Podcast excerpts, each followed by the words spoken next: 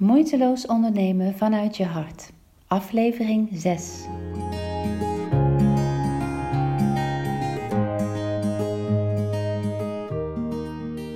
Ik ben Marloes Halmans en ik help ondernemers om hun droombedrijf te bouwen. Gebaseerd op hun echte talenten en op dat wat ze het allergelukkigst maakt. En om zichzelf zichtbaar te maken, zodat ze de klanten kunnen bereiken waar ze het allerliefst mee werken. In deze video beantwoord ik weer graag een vraag van een van de mensen die mij volgt. Onder andere in mijn Facebookgroep Onderneem vanuit je hart of op mijn Facebookpagina of via mijn inspiratiemails. En deze vraag komt van Bianca en zij schrijft... Marloes, begin dit jaar ben ik officieel voor mezelf gestart als ZZP'er. Dit doe ik naast mijn parttime baan in loondienst. Het is een weloverwogen keuze om omwille van de beperkte beschikbare tijd voor mijn onderneming in eerste instantie lokaal naamsbekendheid op te bouwen. In een enthousiaste bui heb ik mezelf laten interviewen door een lokale Facebookpagina en website en heb ik daarmee de aftrap van mijn onderneming gegeven.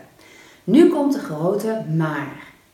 Ik krijg terug dat ik nu het imago heb dat ik het er maar een beetje bij doe en dat het meer als hobbymatig dan professioneel wordt gezien. Wat kan ik doen om dit beeld te veranderen en ben ik überhaupt in staat om dit te beïnvloeden? Of doe ik er verstandig aan om het los te laten en erop te vertrouwen dat de klanten die voor mij bedoeld zijn zich vanzelf aandienen? Ik ben ontzettend benieuwd naar jouw visie hierop. Nou, Bianca, dit is iets wat ik best vaak hoor. En vooral mensen die geen ondernemer zijn die hebben nogal de neiging om wel eens tegen ons te zeggen: Zeg, loopt dat bedrijf voor jou nou een beetje? Of hoe gaat het met je bedrijfje? Dus mensen, vooral die niet zelf ook ondernemer zijn, die kijken van een afstand en hebben daar een hele andere kijk op dan wij. Jouw vraag gaat eigenlijk heel erg over wat wordt er zichtbaar en voelbaar over mij voor de markt, voor de mensen om me heen. En het feit dat de mensen het idee hebben dat je het een beetje aan de keukentafel bij zit hobbyen, geeft feitelijk aan dat de beleving van jou en eigenlijk dus ook van jouw merk niet klopt met wat het in werkelijkheid is. En je vraag is: hebben we iets wat we kunnen doen om dat te beïnvloeden? En mijn antwoord is ja. De pest met branding en personal branding is dat ja, wat jouw merk eigenlijk is. Hè, denk maar aan grote merken, denk maar aan een HEMA of aan de IKEA of verzin maar een merk, kledingmerk. Wij vinden er iets van. Dus bedrijfs, uh, de boardrooms wordt heel goed nagedacht over, oké, wat moeten mensen voelen en ervaren en zien en denken als ze aan, ik zeg maar wat, IKEA denken. Wat willen wij dat de markt dan voelt? IKEA doet daar natuurlijk verschrikkelijk zijn best voor en rolt het dan uit in alle organisaties wereldwijd. Daarmee kun je natuurlijk heel actief proberen te beïnvloeden wat wij vinden van IKEA en wat we denken dat IKEA is en wat we voelen als we met IKEA in contact komen. Maar de werkelijke merkbeleving, hoezeer je dus ook dat probeert te sturen, die bepaalt altijd de markt. Um, er zijn genoeg manieren om dat wel te beïnvloeden. En veel ondernemers laten die kans liggen en daar kan ik zelf ontzettend over meepraten. Ik heb sinds 2007 een loopbaancoachingbureau waar inmiddels een team van loopbaancoaches voor werkt, omdat ik dat zelf niet meer wilde doen. Dat was in 2014 toen ik ontdekte, eigenlijk vind ik mijn werk niet meer zo leuk.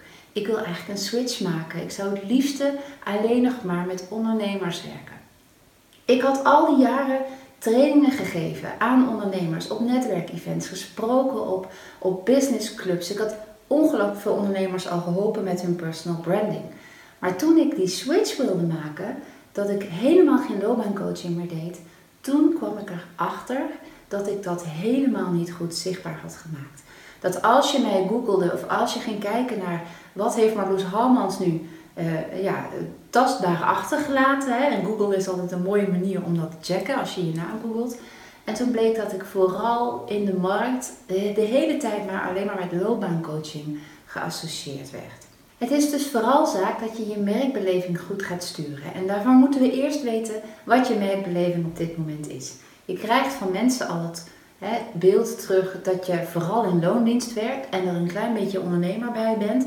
Nou, dat is al de eerste essentiële misvatting die mensen nu krijgen op basis van wat er nu zichtbaar wordt of jij nu deelt. Die je eigenlijk wilt weerleggen. En de belangrijkste om mee te beginnen is dan LinkedIn. Dus hoe ziet je LinkedIn er op dit moment uit? Wat jij wil, als je je bedrijf wil laten groeien, is dat je LinkedIn vooral het beeld van een ondernemer laat zien. dus um, LinkedIn kan je op allerlei manieren gebruiken. Veel mensen zien het vooral als een online cv waarop staat wat ik gedaan heb en wat ik doe. Maar als je, als je het als branding tool wil inzetten, wat het natuurlijk ook gewoon is, dan is het je taak om te zorgen dat als ik nu jouw LinkedIn profiel bekijk, dat ik een ondernemer zie die er toevallig ook nog bij werkt.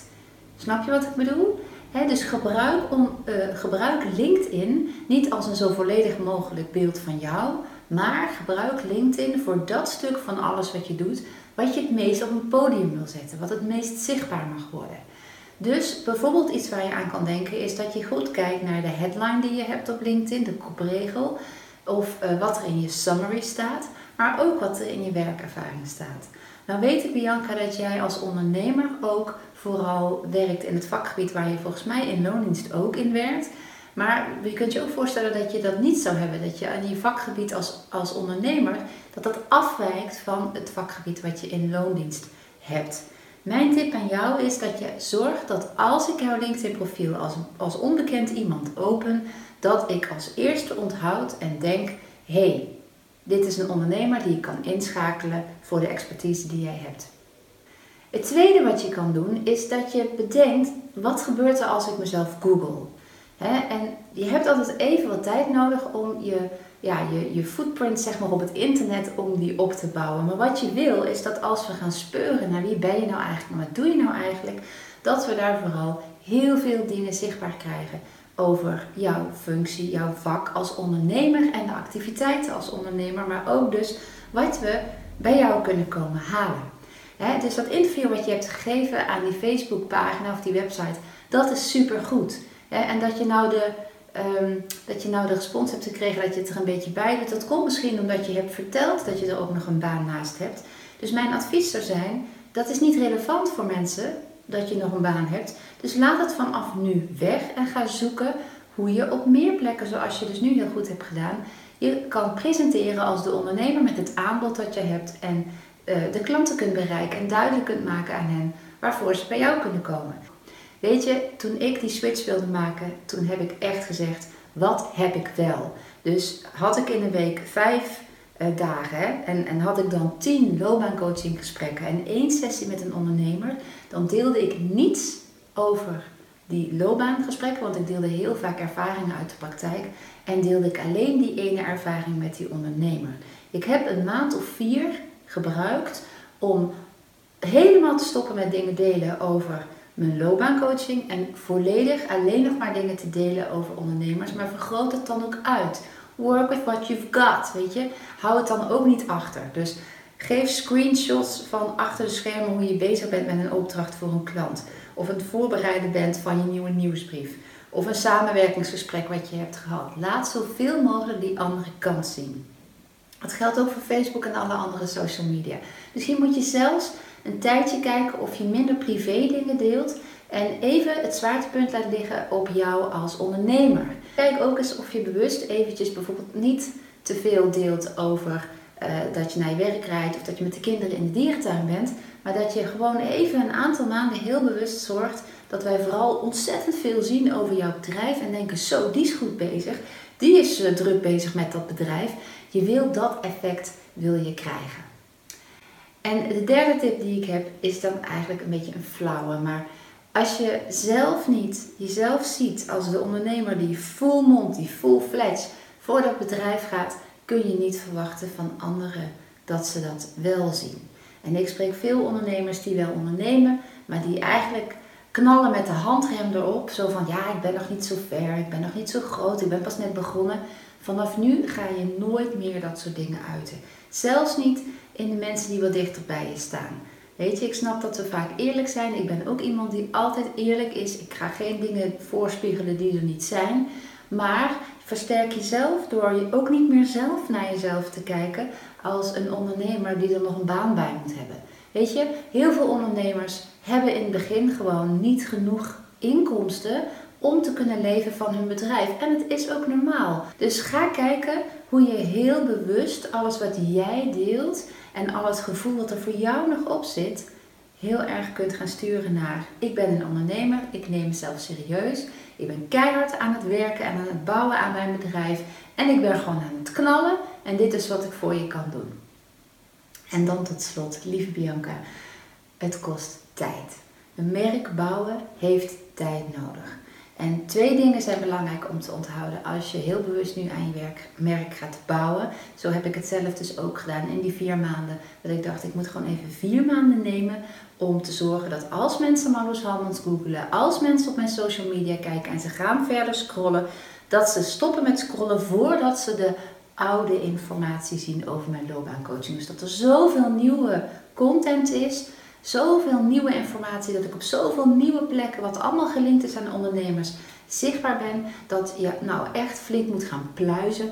Uh, op het internet wil je ergens nog mijn oude brand, uh, namelijk loopbaancoach, tegenkomen. En twee dingen zijn daarbij belangrijk. Het ene is regelmaat. Dus zorg dat je het regelmatig blijft doen. Het hoeft niet groot te zijn wat je deelt, maar zorg dat je iets deelt waarmee dat beeld ontstaat bij ons van hé, hey, dit is een ondernemer die vol gaat voor haar bedrijf. En het tweede is consistentie. Dus zorg, dat heb ik eigenlijk al gezegd, dat iedere keer dezelfde boodschap, dezelfde gevoelens bij ons blijven. Dus eh, de focus op wat je kunt brengen voor je klanten. En zorg dat het iedere keer een vergelijkbaar verhaal is. Weet je, de, je gaat vaak de, de, ehm, ja, de rommeligheid in je brand krijgen als je van alles deelt. En ik weet dat de meeste mensen multi-passionate zijn en multi-talented en heel veel leuk vinden. Maar op dit moment probeer je ja, je brand neer te zetten als iemand die dit is wat ze kan, dit is waar ze ons mee kan helpen en dit is wat ze doet. En ze gaat er volledig voor en ze gelooft er volledig in. En dan wil je gewoon even heel kernachtig heel, ja, een duidelijke zin hebben. Dus een van mijn klanten bijvoorbeeld die er ook mee stoeide, die heeft gewoon een duidelijke zin waarvan ik zei, zet dit onder elke post, zet dit onder elke nieuwsbrief, zet dit onder alles wat je deelt. En dat waren drie zinnen in de trant van meer rust, meer ruimte, meer vrijheid. Ik zeg maar wat. Want anders dan, of je het fijn vindt als ik het voorbeeld neem. Maar dat was ontzettend helder. Daardoor was het, op een gegeven moment werd haar naam gewoon gekoppeld aan die tagline die zij iedere keer onder elk bericht gebruikte. Nou, Bianca, ik hoop dat je hier iets mee kunt. Allerbelangrijkste is dat leuk wat iedereen van je vindt, wat iedereen denkt. Je hebt zeker invloed op wat mensen uh, denken dat je bent. En het begint bij jou, dat je je serieus blijft nemen. En ja, doe maar gewoon een soort bombardement van uh, zichtbaarheidsacties. Dat is eigenlijk je taak nu. Die het beeld wat mensen op dit moment hebben ontkrachten en een nieuw beeld neerzetten. En laat je alsjeblieft verbazen door hoe snel mensen dat nieuwe beeld overnemen. Echt. Dus ik wens je ontzettend veel succes en laat me weten hoe het verder gaat. Dat zou ik heel tof vinden. Dankjewel. En wat ik ook nog heel tof zou vinden is als jullie misschien een reactie willen geven voor mij, voor Bianca, onderaan deze video.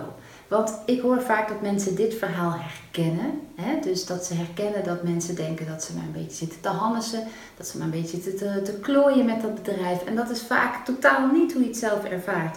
Dus heb jij het ook eens meegemaakt dat iemand op die manier tegen je sprak? En hoe ben jij daarmee omgegaan? Wat heeft jou geholpen om ja, om, om te blijven geloven in wat je doet, je zichtbaar te blijven maken.